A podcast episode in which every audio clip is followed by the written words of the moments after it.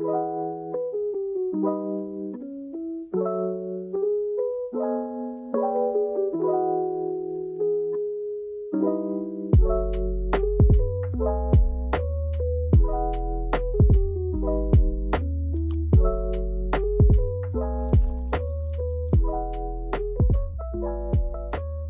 selamat malam teman-teman. Selamat datang.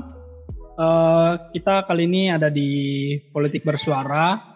Ini ibaratnya episode perdana ya, teman-teman. Jadi sebenarnya ini bukan seminar ataupun apa, bukan kayak uh, diskusi-diskusi yang biasa kalian ikuti mungkin ya. Karena ini emang beneran kayak podcast biasa tuh. Kenapa itu dibuka secara umum? karena emang ini perdana kita, jadi kita pengen kasih tahu aja gitu. Kalau ternyata ilmu politik itu ada podcast, namanya podcast politik bersuara. Untuk uh, dicari di Spotify-nya, untuk sekarang belum ada, karena nanti bakalan dipost ketika ini udah udah selesai gitu sih. Oke, selamat datang dan selamat mendengarkan uh, bersama gua Billy Mardiansa, angkatan 2019, Visip Unsut, Ilmu Politik Oke, gua gua di sini gue pengen bahas ini sih kelas skripsi gitu. Gua jadi uh, hari ini uh, episode ini gua ngundang alumni kita, alumni Ilmu Politik Unsut. Dia angkatan 2017, ada Os Osni Wigiarti. Uh, halo Kak Osni. Yuhu, halo. Selamat malam teman-teman. Oh ya. Oke, satu lagi ada Mas Rivaldo Nova Putra atau yang biasa dipanggil Mas Edo. Halo, halo Mas. Halo, selamat malam teman-teman semua.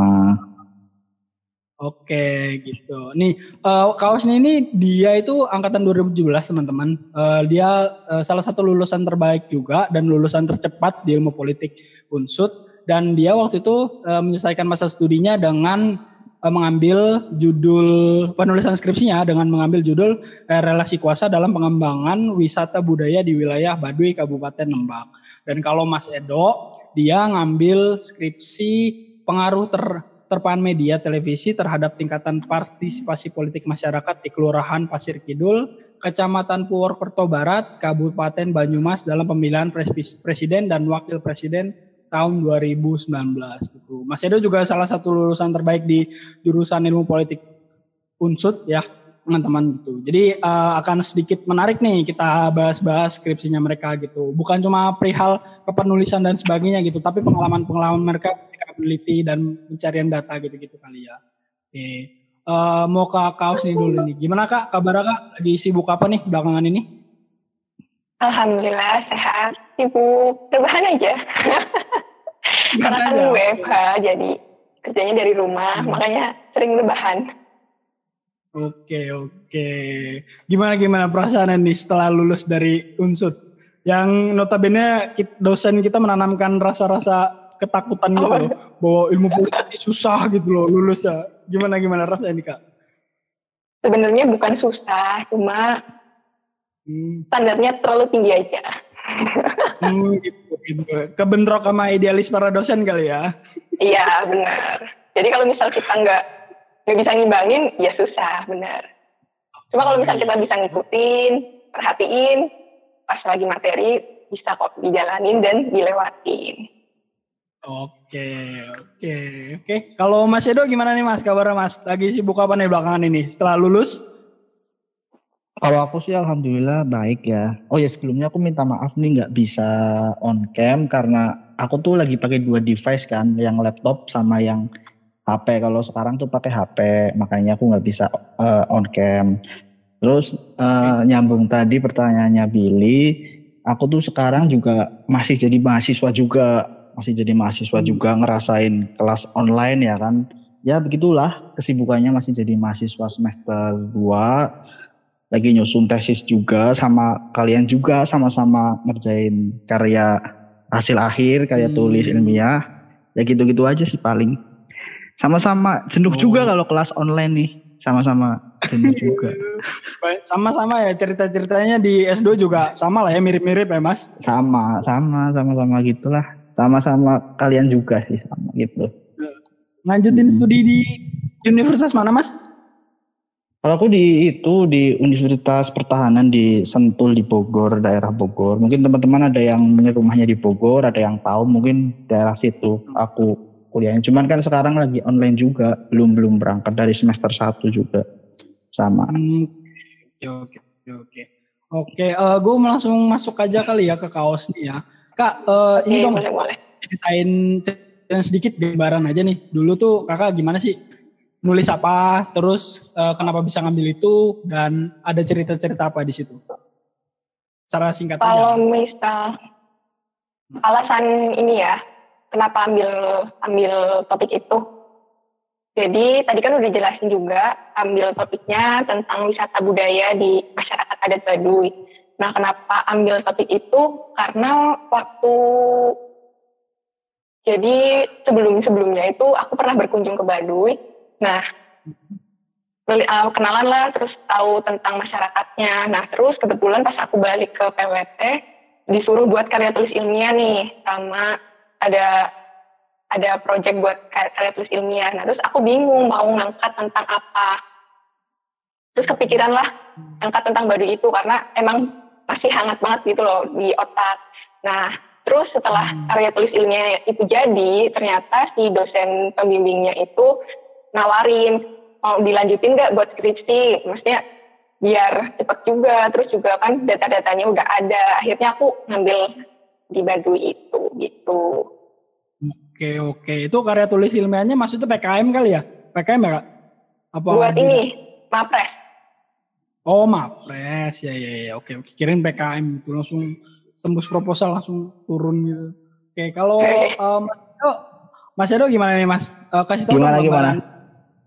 gambaran. Kasih tahu tentang, gambaran. Kita dong hmm. tulisan tulisan Mas Edo dulu description bahasa apa iya mungkin sebelum aku cerita nih ya mungkin aku kan dulu waktu S1 kan uh, metode penelitiannya kan kuantitatif. Mungkin teman-teman di sini juga udah tahu minat untuk mahasiswa ambil kuantitatif. Dari dulu sampai sekarang mungkin nggak sebanyak kualitatif. Ya mungkin karena memang teman-teman tuh merasa ketakutan akan SPSS ataupun sejenisnya yang berkaitan dengan angka gitu ya. Mungkin nah di situlah waktu itu aku merasa tertantang nih. Kok kenapa sih mahasiswa Ilpol khususnya tuh jarang yang ambil kuantitatif. Padahal aku sendiri juga nggak ada referensi dari kakak tingkat. Aku benar-benar apa namanya benar-benar otodidak otodidak sendiri itu kan belajar gimana caranya nginput data, kemudian proses, kemudian membaca data, interpretasi data itu aku benar-benar belajar dan intinya yang paling penting tuh kalau misalkan kita mau ambil metode penelitian kuantitatif dalam skripsi ataupun tesis ataupun disertasi nanti, kita harus tahu dulu case ataupun isu yang mau diambil itu apa. Ya kan misalkan misalkan pada saat itu mungkin lagi musim-musimnya pilpres ya kan, bagi musim-musimnya pilpres nah mungkin aku di situ mengambil isu yang sedang hangat Nah, ambil isu yang sedang hangat pilpres. Situ aku mulai mendalami berbagai isu-isu khususnya pilpres dan men mencari variabel yang pas sampai akhirnya uh, ambil metode penelitian kuantitatif. Mungkin sekilasnya itulah kira-kira. Hmm, oke oke oke. Sebelum mem memutuskan untuk pakai kuantitatif nih Mas, Mas Edo hmm. sempat ini enggak sih sempat ganti apa namanya ke kuali gitu dalam menulis uh, pilpres itu persoalan pil pilpres? Iya, mungkin jadi gini. Aku kan dulu pas nentuin judul eh, ataupun nentuin metode kan dulu mungkin teman-teman nanti bakal mengalami mata kuliah yang namanya MPP 1 sama MPP 2 gitu kan. Nah, di situ kan juga diwajibkan siswa tuh mahasiswa tuh membuat outputnya dalam bentuk proposal. Nah, pada saat itu juga aku mengerjakan dua-duanya antara proposal kuantitatif sama kualitatif. Aku punya dua proposal nih. Terus aku oh. mikir nih, itu di semester 6 kita punya dua proposal. Dan, dan, dan di semester 7 kita nanti dihadapkan pada dua pilihan. Mau, mau kuantitatif atau kualitatif gitu kan. Nah aku terus hmm. ngaca dong ke diri sendiri, kira-kira aku tuh mampunya yang mana ya kan. Jangan sampai kita ambil metode yang kita nggak kuasai. Nanti kita mati di tengah jalan. Kita nggak bakal kelar karena kita nggak mampu ngukur kemampuan kita di mana. Jangan sampai kita ambil metode yang kita tuh ikut-ikutan. Itu parah nih. Nanti di tengah jalan kita bakal skakmat sama dosen, di pendadaran kita bakal keok, bakal mati juga nanti nilai kita yang hancur di pendadaran nanti. Ya intinya ketika hmm. aku menentukan pilihan kuantitatif itu, aku berusaha mengukur diriku sendiri. Kita harus yakin, aku harus yakin kira-kira mampu nggak kalau misalkan kita mampunya di kualitatif, ya jangan maksain kuantitatif. Kalau misalkan kita hmm. mau mampunya di kuantitatif, ya jangan maksain di kualitatif. Itu kan dasarnya kan dari dalam diri kita nih, mampu apa enggak kira-kira. Kira-kira itu sih hmm. kalau misalkan penentuannya tuh gimana itu. Oh iya iya oke oke paham paham. Nah kalau kaosnya gimana kak? Sebelum memutuskan untuk pakai kuali ada pertimbangan yang di ini enggak sih yang dilakukan buat ini kayaknya enakan pakai kuali eh, kuanti deh gitu. Atau atau jangan-jangan udah sempat nyoba kuanti dulu sebelum kuali? Sebenarnya sama juga soalnya kan di ilmu politik unsur itu kan itu tadi ya ada mata kuliah metodologi kualitatif dan kuantitatif. Nah, otomatis aku juga sama kayak Edo nih, suruh buat dua proposal. Nah, kebetulan dua proposal aku itu lolos nih buat langsung seminar proposal nilainya. Nah, tapi dengan pertimbangan apa ya, lebih menjiwai. Hmm. Soalnya benar kata Edo, Edo tadi, jadi kita mengukur nih diri kita ya. Maksudnya kamu lebih lebih feelnya dapetnya di mana sih? Nah, kalau aku tuh kualitatif karena apa? Karena memang sebenarnya proposal kuantitatif dan kualitatif itu sama-sama bagus ya. Sama-sama punya pertimbangan masing-masing. Nah, kalau di kasus aku, proposal kualitatif aku lebih istilahnya lebih lebih dalam gitu dan permasalahannya memang menurut aku lebih urgent untuk dibahas. Karena waktu waktu aku ngebahas Baduy itu saat itu juga lagi ada polemik nasional yang Baduy itu minta ditutup sebagai jadi dia nggak mau jadi tempat wisata. Nah itu kan hmm. sampai naik juga ke narasi TV dibahas sama Najwa Shihab, terus juga berita-berita lokal, berita nasional itu ngebahas itu sempat ramai gitu. Nah terus apa ya istilahnya itu lebih urgent daripada proposal kuantitatif aku, walaupun memang konsekuensinya aku juga harus harus ke sana, harus ke Baduy bolak-balik dari Banyumas ke Banten kayak gitu. Hmm, iya iya iya, oke oke. Eh Kak, kalau ini, kan kalau misalnya kita ngambil kuanti atau kuali ya, itu kan pasti ada kayak poin penting yang harus diperhatikan gitu dong, ya kan? Nah, itu dalam skripsi Kakak, Kakak memperhatikan apa poin-poin pentingnya? Ada nggak? Sebenarnya sebelum kita menentukan mau mau pakai metode apa nih, maksudnya mau kualitatif hmm. atau kuantitatif. Itu sebenarnya kita yang pertama tuh menentukan apa masalahnya. Yang kedua, apa sih yang hmm. pengen kamu gali dari masalah itu? Nah, yang ketiga baru metodologinya. Yang pertama kan apa sih masalahnya? Nah, dalam kasus aku di Baduy itu kan tokoh adatnya aja ngomong bahwa mereka itu tidak menerima wisatawan. Maksudnya dia menolak konsep-konsep wisata, dia menolak bahwa adat itu tidak boleh diperjualbelikan. Nah, tapi ternyata data-data dari Dinas Pariwisata itu menunjukkan kalau pengunjung di Bali itu dari tahun ke tahun masih meningkat. Nah, akhirnya kan di situ ada permasalahan nih, maksudnya ah, belum terjelaskan nih. Terus di balik itu sebenarnya ada apa sih? Nah, akhirnya aku yang kedua, aku pengen menggali relasi kuasa di balik di balik itu. Kenapa sih kok bisa ya walaupun aturan adatnya seperti itu, tapi ternyata di lapangan berbeda. Nah, akhirnya aku pengen menggali itu. Nah, untuk menggali itu caranya, cara yang paling pas itu pakai metode kualitatif. Karena metode kualitatif itu kan ingin menggali fenomena lebih dalam kayak gitu. Hmm, oke oke paham paham. Kalau Mas Edo, Mas sebel apa namanya yeah. poin penting yang harus diperhatikan dalam kuanti apa Mas? Khususnya oh, yeah. pas Mas skripsian itu ya.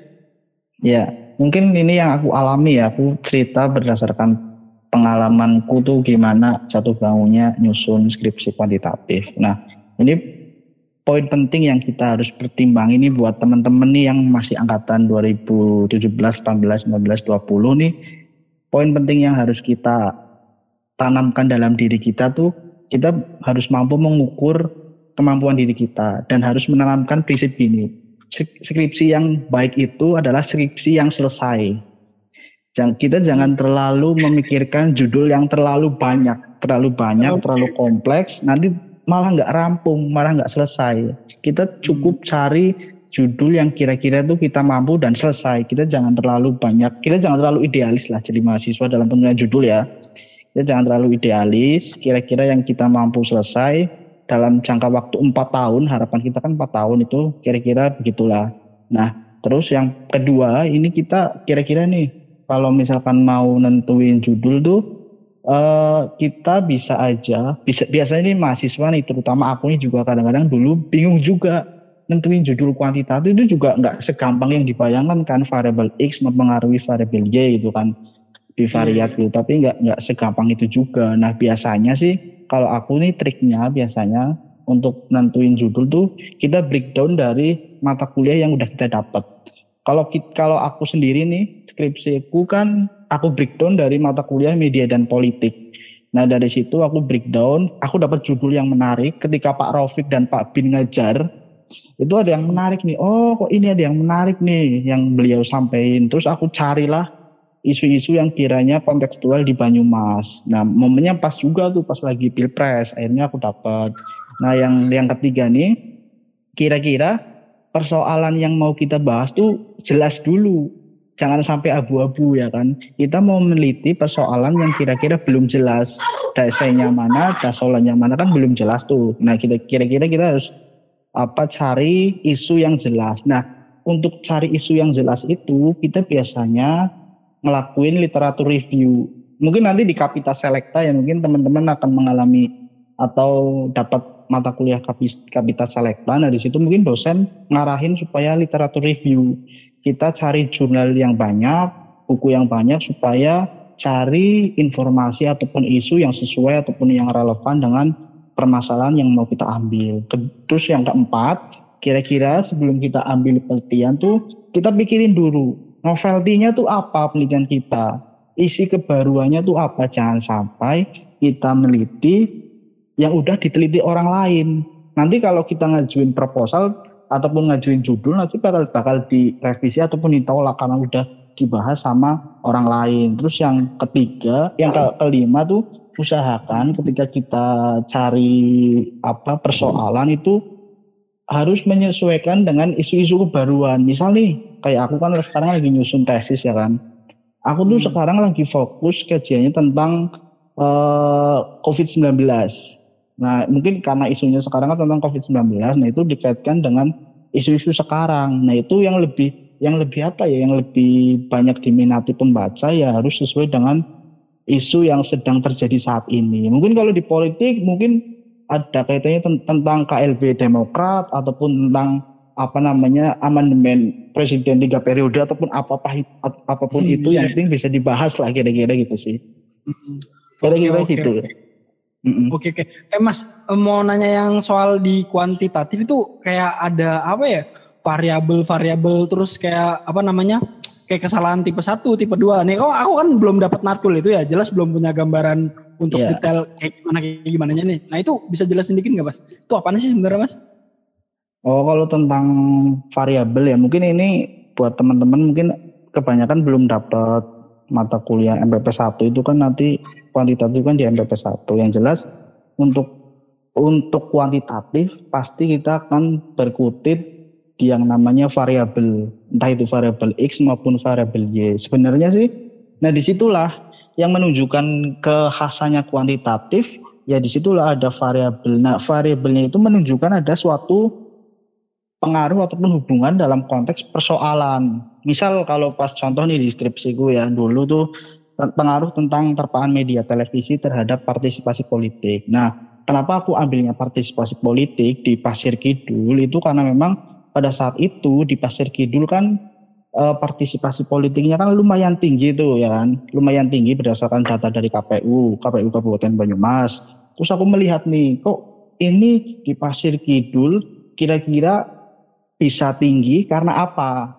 Nah kalau misalkan kita lihat teori partisipasi politik kan dia faktor-faktor yang mempengaruhi partisipasi politik kan banyak. Ada terpaan media, ada status sosial ekonomi, kemudian ya intinya banyak lah lebih dari 10 vari, uh, faktor yang mengaruhi partisipasi politik. Nah, pada saat itu aku ngambil nih, kenapa ambil terpaan media? Karena pada saat itu media televisi khususnya karena pada saat itu kan lagi gencar-gencarnya apa ya kampanye-kampanye lewat televisi lah gitu kan.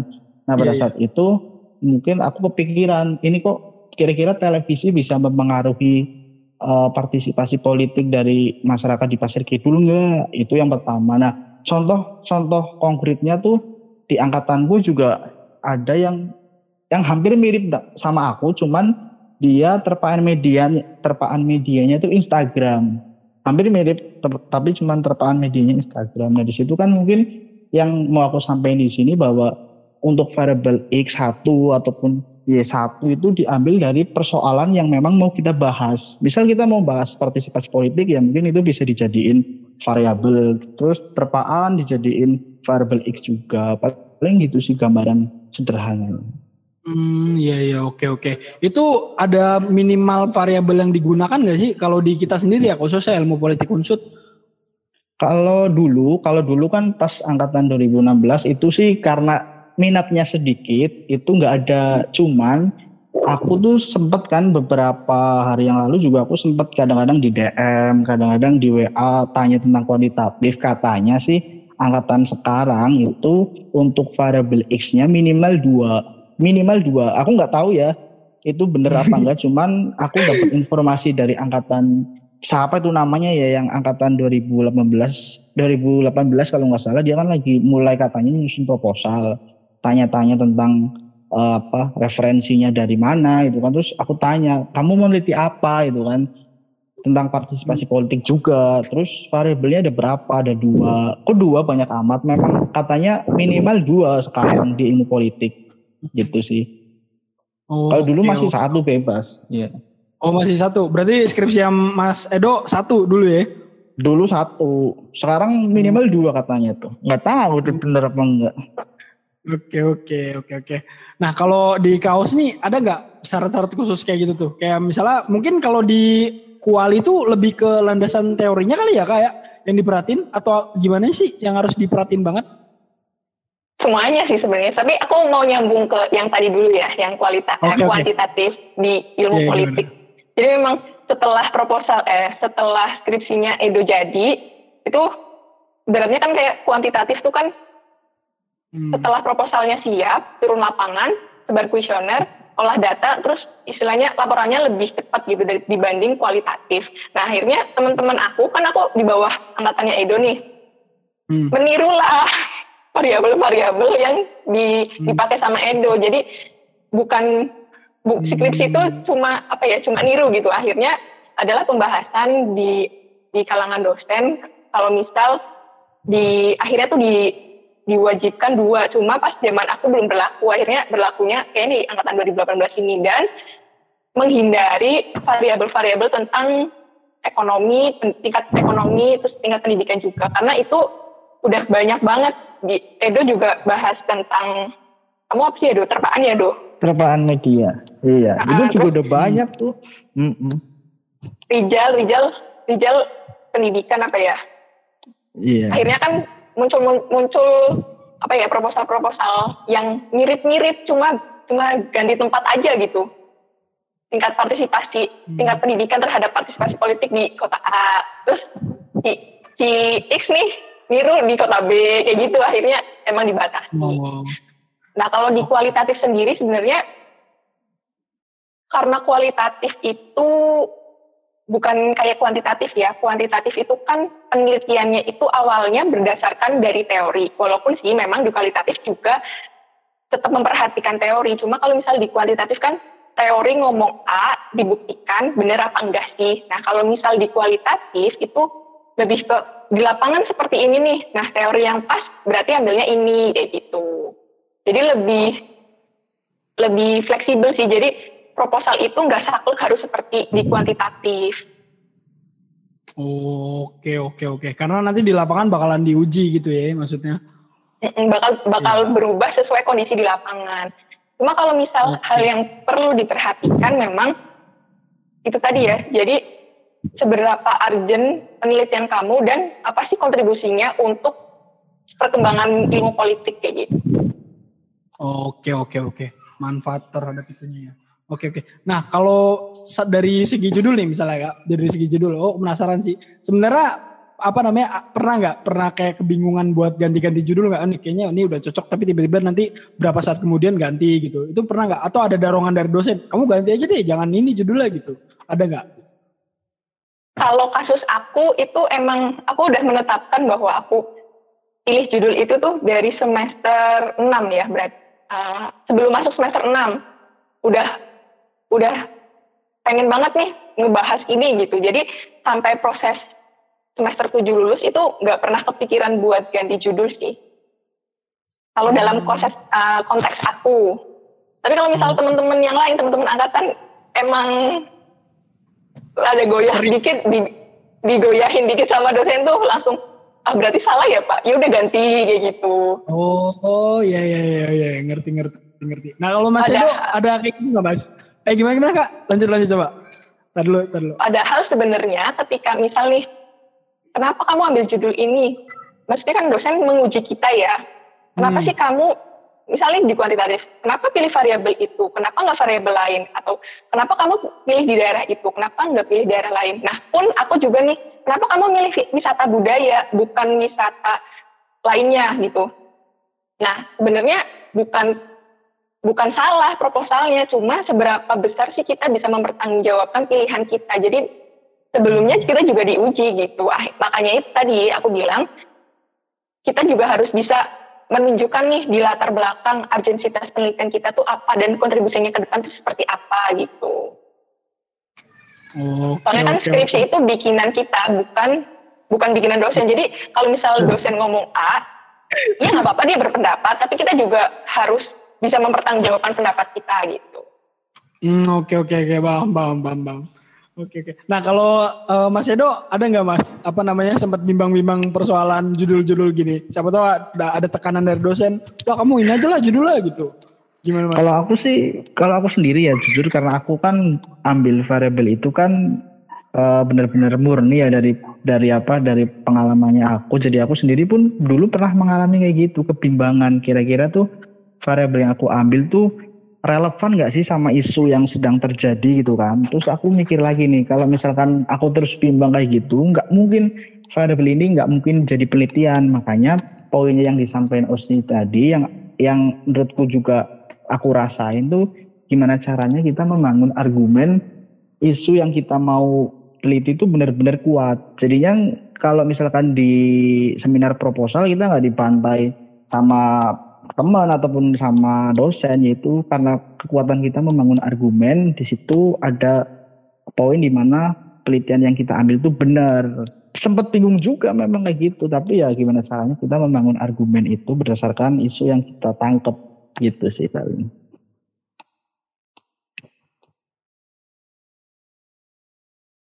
Oke oke oke. Nah kalau apa namanya kalau terkait apa namanya sebelum terjun ke lapangan nih, ini kaos nih sih khususnya yang kuali ya, kan uh, itu terjun lapangan. Nah, sebelum terjun lapangan nih, saat itu ada nggak sih kak? Kayak dosen tuh ngasih yang mana? Kamu tuh kamu terus begini begini begini. Arahan dari dosen gitu loh. Pesan-pesan dari dosen sebelum uh, kaos ini terjun lapangan gitu. Ada nggak? Khususnya dosen pembimbing tentunya ya. Iya gimana iya, gimana? waktu itu gimana gimana pesan-pesannya dia? Siapa siapa nama dosennya Gak apa sebut Kalau aja dosen, sebut aja. Hmm. Dosen pembimbingku itu kan pembimbing satu misalnya, pembimbing dua Pak Solahudin atau Pak Tito misalnya teman-teman manggilnya. Nah kalau misal biasanya teknik masing-masing dosen itu kan berbeda ya. Kalau dalam hmm. konteks aku, Pak Titong dan Miss Ana itu sebelum kita turun lapangan, pasti kita punya apa ya komponen penelitian kita di lapangan mau ngapain aja sih data-data data-data apa aja yang dibutuhkan buat buat penelitian kita. Jadi pas di lapangan itu udah terstruktur nih. Jadi aku sebelum turun lapangan juga udah cari data secara online. Nah, data-data yang dibutuhkan tapi nggak ada di online itu baru aku cari di lapangan gitu. Jadi ada pedoman penelitian lah istilahnya. Oke, oke, oke, oke. Berarti itu ya. Nih per, pas pertama kali terjun ke lapangan itu kan udah siap juga ya data-datanya terus kayak apa aja yang pengen dilakuin udah siap. Nah itu itu ada rasa deg-degan atau gimana gitu. atau atau hal-hal yang nih nih kayaknya gue siap nggak sih gitu loh. Nih gue bisa nggak sih sebenarnya gitu. Ada ada perasaan-perasaan kayak gitu nggak? Sebenarnya itu pasti sih. Mungkin bukan cuma aku aja ya, bagi teman-teman yang lain juga. Apalagi aku itu kan penelitian di kelompok adat ya, masyarakat adat di mana aku juga bukan bagian dari mereka. Kalau misal mungkin kalau masyarakat desa dinas biasa kan lebih kita menyesuaikan nilai-nilainya lebih apa ya lebih mirip-mirip lah. Nah kalau misal di desa adat kan ya kita istilahnya harus deketin dulu nih tokoh adatnya, terus juga kita juga harus punya channel di sananya. Yeah. Jadi apa ya ada perasaan kayak duh bisa nggak ya? Apalagi kan aku nggak punya saudara nggak punya kenalan nggak punya temen di sana kayak gitu. Hmm oke okay, oke. Okay. nah kalau Mas Edo gimana Mas? Terjun lapangan juga atau enggak? Atau kayak gimana Mas? Ya kalau misalkan kuantitatif sama kualitatif kalau misalkan studi kasus ya pasti kan terjun lapangan. Cuman kan mungkin yang yang membuat beda ketika terjun lapangan tuh kita kan di kuantitatif pada saat penyusunan proposal itu kan lebih rigid dan harus komprehensif ya antara bab 1, bab 2 dan bab 3. Nah, proses antara penyusunan bab 1, bab 2 dan bab 3 itu kan akhirnya kita menyusun kuesioner penelitian. Makanya pada saat penyusunan proposal kuantitatif itu sedikit lebih lama ketimbang kualitatif walaupun pada akhirnya endingnya tepat waktu sama-sama sama-sama pas antara kuantitatif sama kualitatif. Cuman yang bikin beda kan penyusunan proposal kuantitatif sedikit lebih lama karena dia pondasinya harus kuat dulu. Kalau misalkan pondasinya nggak kuat ataupun proposalnya nggak kuat nanti ujungnya bakal roboh juga bakal nggak kuat juga. Makanya ketika penyusunan proposal ataupun di bab 3 khususnya itu kita nyusun proposal yang yang endingnya tuh kuesioner penelitian. Nah, ketika kita udah seminar proposal nih ya kan, udah direvisi sama dosen, terus kuesioner udah jadi, otomatis kita langsung terjun lapangan dan yang namanya kuantitatif dia kan persoalannya kan dengan responden, kalau kualitatif kan dengan informan. Nah, waktu itu aku respondennya tuh sekitar 300-an orang mungkin pada saat sekarang penyebaran kuesioner mungkin bisa pakai Google Form ya. Nah, tapi pada saat itu aku enggak, aku turun lapangan benar, ketemu sama masyarakat di sana sebanyak 300 orang. Ya, well, pertamanya memang canggung juga kan. Bingung juga iki hmm. pengopo ya kan ketemu orang 300 orang banyak banget berapa hari gitu kan. Ya, hmm. tapi mau nggak mau ya ketika kita udah apa fokus mau ngerjain mau nyebar kuesioner ya kita harus mau cuman ini apa ya kemudahan dari kuantitatif tuh kita memang berdarah-darahnya tuh di proposal dulu.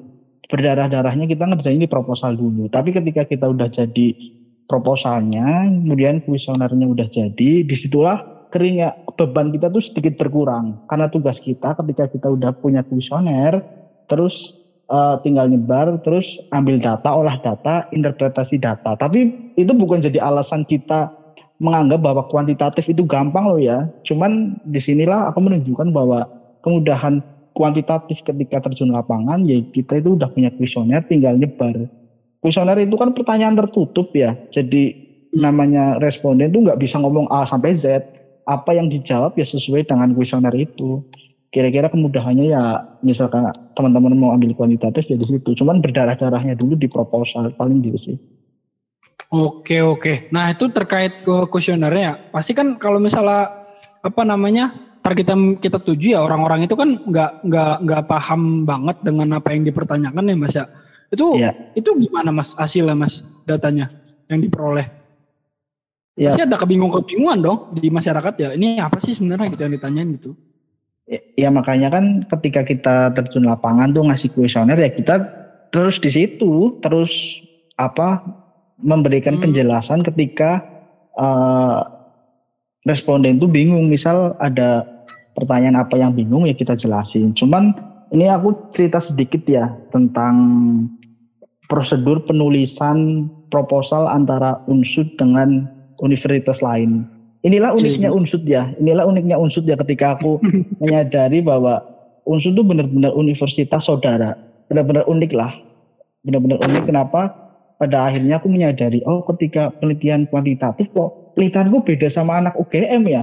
Penelitianku kok beda sama anak UI ya apa iki hmm. apa namanya apa ini memang apa unsur itu beda atau gimana. Nah kalau di kalau di unsur tuh kalau kita udah nyusun bab tiga nih udah masuk bab tiga tuh di situlah letak perbedaannya. Kalau di unsur nih kalau di, khususnya di ilpol ya aku tahunya khususnya di ilpol kalau di jurusan lain sih aku nggak tahu ya. Cuman yang aku alami itu ketika aku nyusun bab tiga di ilpol itu kalau di ilpol tuh nggak ada yang namanya uh, kalau aku sendiri nggak ada yang namanya tryout kalau yang namanya tryout itu kan mungkin kalau aku jelasin secara rigid mungkin juga teman-teman hmm. karena belum mengalami MPP 1 mungkin agak agak sedikit lebih apa ribet juga kalau misalnya ditangkap. Cuman intinya ada beberapa prosedur yang unsur tuh ataupun ilpol nggak lalui tapi di di universitas lain tuh dilalui. Padahal itu poin pentingnya. Ketika kita mau kuantitatif itu harus dilalui tapi di di ilpol kok enggak. Tapi ya pada akhirnya ya ujung-ujungnya jadi juga. Cuman itu perlu dibenerin sih mungkin masukan juga buat dosen-dosen supaya eh, supaya proses itu dilalui dan malah bersyukur juga buat mahasiswa lebih cepat juga kalau nggak ada prosedur itu kalau menurutku oh. sih kayak gitu oke oke oke nah kalau untuk kaos nih gimana kak dalam penelitiannya pas terjun lapangan itu ada kendala-kendala dalam wawancara apa enggak kak kendala wawancara otomatis ada soalnya kan ada. aku wawancara di masyarakat Sunda ya sedangkan aku nggak bisa bahasa Sunda ya, ya, ya itu persoalan utama lah ya, paling utama ya. banget itu lah. Hmm.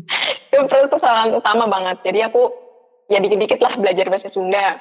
Terus yang kedua karena kan masyarakat adat itu punya tanggal-tanggal kalau aku dalam konteks penelitian aku ya punya tanggal-tanggal khusus yang dan aturan-aturan khusus ya. Jadi untuk wisatawan itu wisatawan kan aku juga di situ wisatawan ya sebagai wisatawan nggak boleh nginep dua lebih dari dua malam di Baduy Dalam. Nah padahal aku penelitiannya di Baduy Dalam sehingga aku tuh tiap dua hari sekali bolak-balik gitu. Jadi Baduy luar terus besoknya ke Baduy Dalam lagi dan itu jalan kaki lumayan jauh sih 14 eh, kilo lah hmm.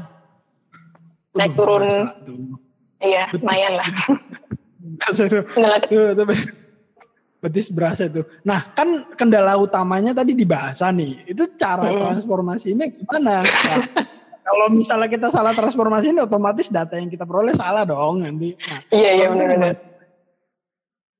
Kebetulan pas aku sampai di Baduy itu ada teman aku ngenalin dengan salah satu orang yang stay di situ. Dan tiap apa ya tiap aku wawancara terus pas aku selama aku penelitian di sana itu ditemenin sama dia gitu. Jadinya kalaupun ada bahasa-bahasa yang kayaknya aku nggak paham nih gitu. Jadi ada yang menjelaskan kayak gitu terus okay. susahnya juga kan menggali menggali data ya karena kan kalau di kualit, kualitatif itu kan pertanyaannya pertanyaan mendalam jadi gimana sih kita bisa biar biar biar narasumber tuh mengeluarkan data-data semuanya gitu, nggak nggak cuma iya atau tidak gitu.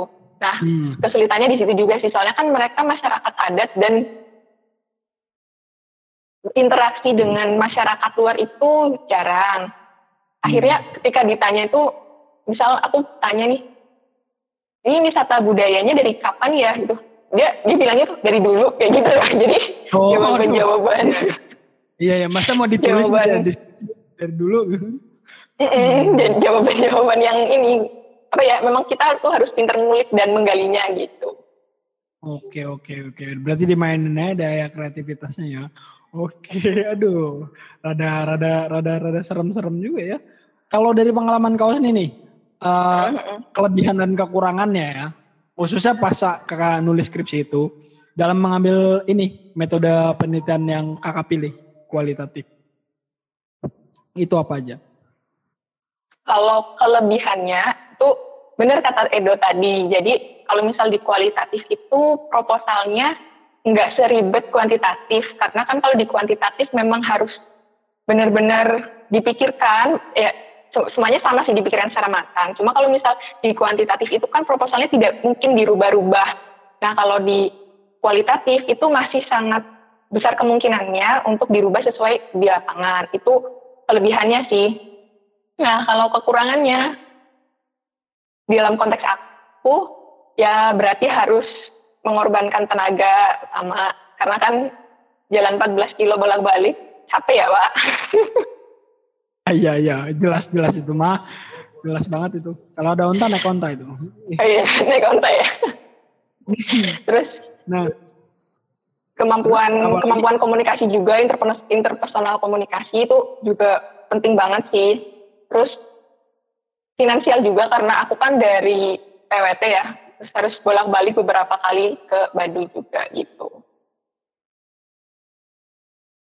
Oke oke oke. Nah waktu kakak terjun nih, ada nggak data yang bener-bener sebenarnya itu penting untuk dapat, tapi itu sulit banget gitu kakak peroleh? Itu ada nggak? Ada pernah. Jadi kan salah satu key informannya itu tokoh adatnya nih. Nah tapi pas aku datang ke situ, tokoh adatnya uh, lagi ada acara adat. Jadi selama beberapa beberapa hari gitu ada acara adat. Nah tokoh adatnya otomatis sibuk dong padahal dia informan kuncinya aku. Nah itu sus susah banget sih apa ya ketemunya. Terus juga dia dia apa ya banyak kegiatan lah istilahnya. Setiap setiap kegiatan adat kan pasti melibatkan dia. Nah sedangkan yeah. aku butuh dia untuk wawancara secara mendalam gitu. Nah itu lumayan susah sih nyari waktunya.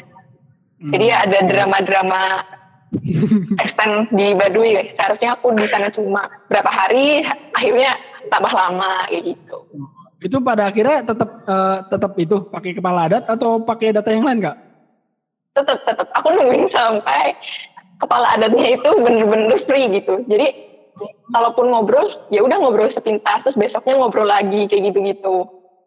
Oh, gitu. Jadi emang mengejar. Oh iya, kirain uh, kira kalau gambaran aku tuh kirain kita uh, udah udah di situ tuh nginap beberapa hari terus kita langsung tanya-tanya gitu terkait data-data yang kita pengen peroleh habis itu rampung kelar gitu ternyata enggak ya emang emang ada tahap-tahapannya gitu ya karena emang sulit juga ya untuk nemuin tokoh penting terutama. Nah kalau untuk Mas Edo ada nggak Mas kira-kira data yang Gimana? data yang emang hmm. itu da, di deskripsi Mas dulu data hmm. yang emang dasarnya itu penting banget ini untuk didapat dan emang diperlukan tapi sulit banget untuk memperolehnya gitu. Ada nggak? Kalau kuantit kalau kuantitatif kan data pentingnya cuma dari kuesioner ya. Itu itu hmm. data utama. Oh. Kalau misal kalau aku sendiri sih ketika kuesioner itu udah udah kita buat ya kan, tinggal gimana caranya kita apa ketemu sama sama uh, respondennya.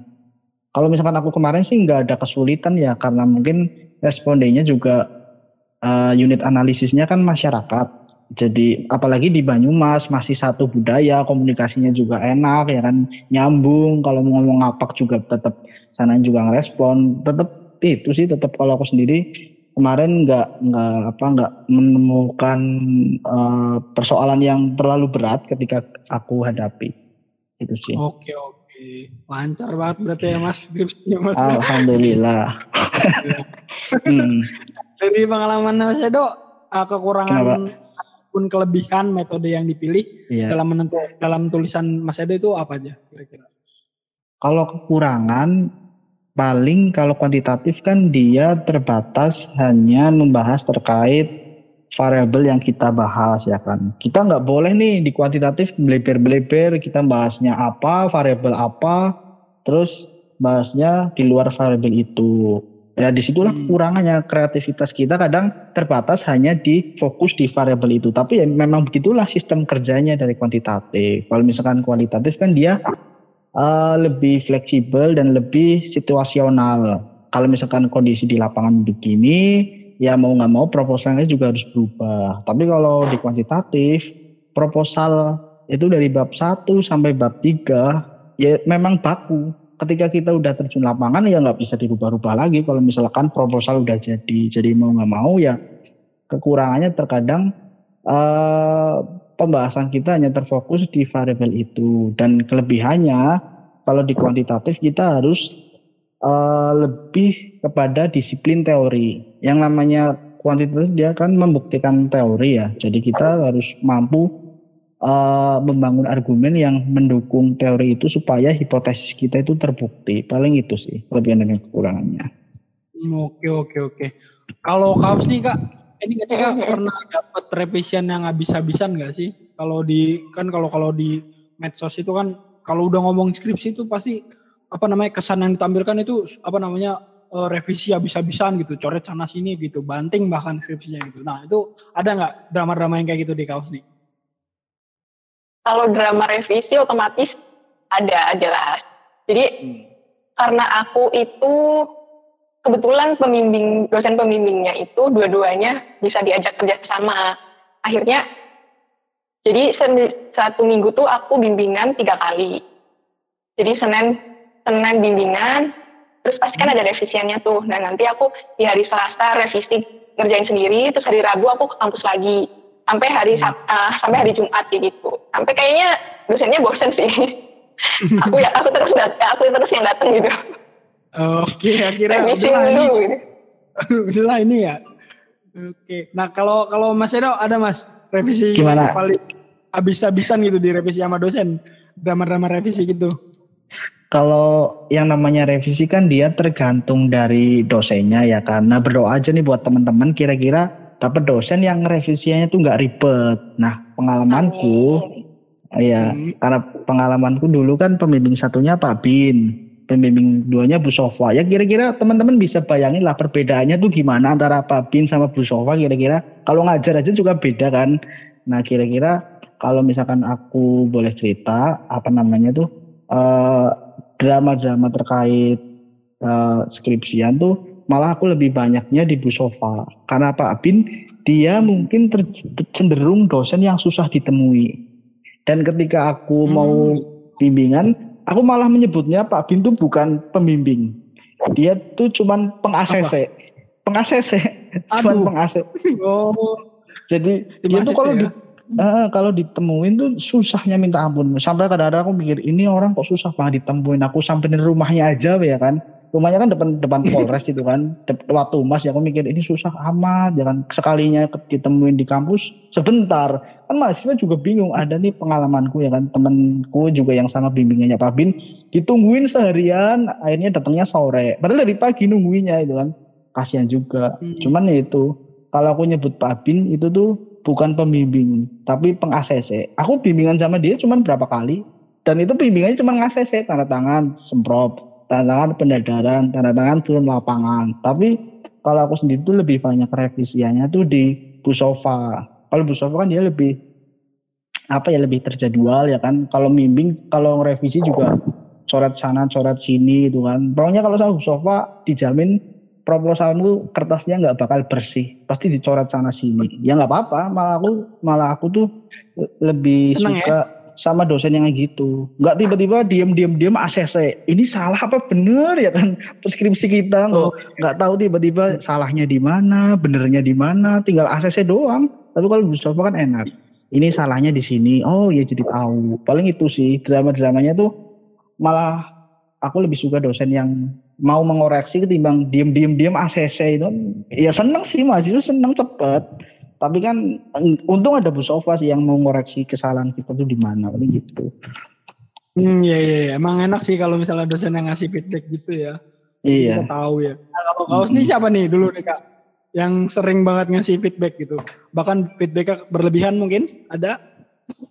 Kalau aku dua-duanya pembimbing satu sama pembimbing dua. Nah kebetulan kan kalau konteks aku ya Miss Ana dan Pak Titong itu kan roadmap penelitiannya sama nih di wisata budaya kayak pembahasan aku juga. Nah akhirnya mereka juga udah satu pemikiran gitu. Beda kayak Edo tadi kan, kan Pak Bin dan Bu Sofa rada punya insight masing-masing. Nah kalau misal aku di hmm. Miss Ana dan Pak Titong yang emang sih pasti ada per, apa ya perdebatan cuma nggak terlalu drama-drama banget sih soalnya mereka hmm. juga apa ya bisa lah diajak diskusi dan aku juga kalau misal misal di revisi aku juga mempertanyakan loh kenapa direvisi gitu. Soalnya kan aku juga punya argumen dan terbukti dari teori-teori yang aku ambil gitu. Terus kenapa itu bisa direvisi gitu. Oh, oke oke. Ber berarti lebih dipertanyakan aja ya. Eh, ini kita udah ngobrol-ngobrol selama kurang lebih satu jam nih kak. Paling satu pertanyaan lagi sih, satu pertanyaan lagi aja ya kita.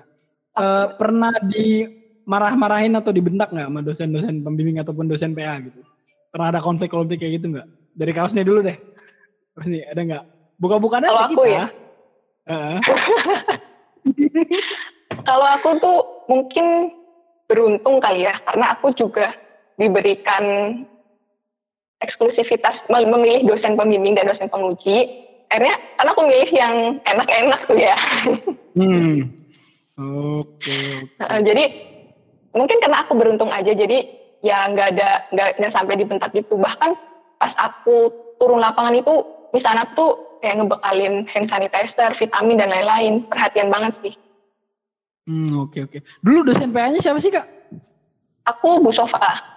Oh, Bu Sofa ya. Oh, iya iya. Mm -hmm.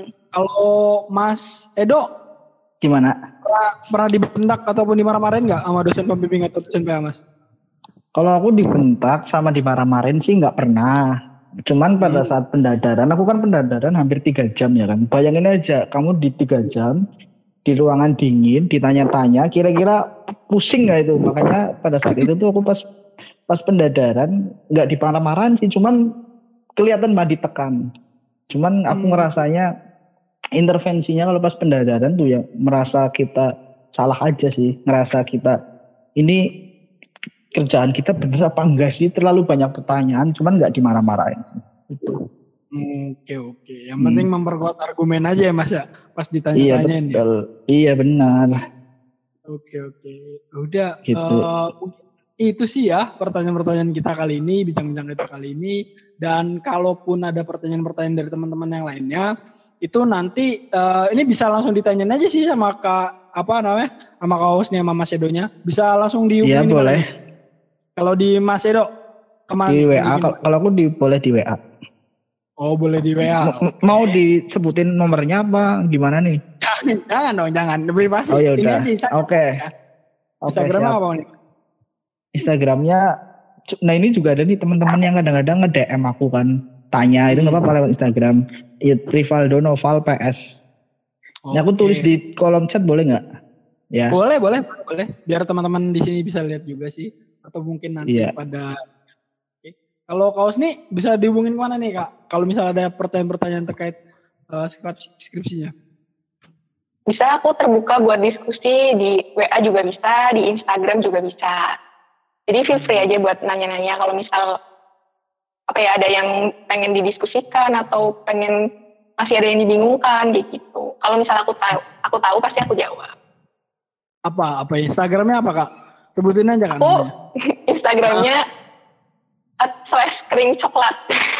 aku tulis aja ya. iya tuh tuh. Tuh ingat-ingat teman-teman. Slash ya? coklat.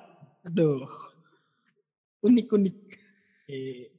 Yaudah mungkin segitu aja kali ya episode kita kali ini teman-teman. Uh, berhubung ini perdana juga, uh, makasih banyak partisipasi teman-teman untuk hadir di sini dan terutama narasumber kita yang hebat-hebat ini, makasih banget udah nyempetin waktunya di tengah kesibukan kalian gitu ya.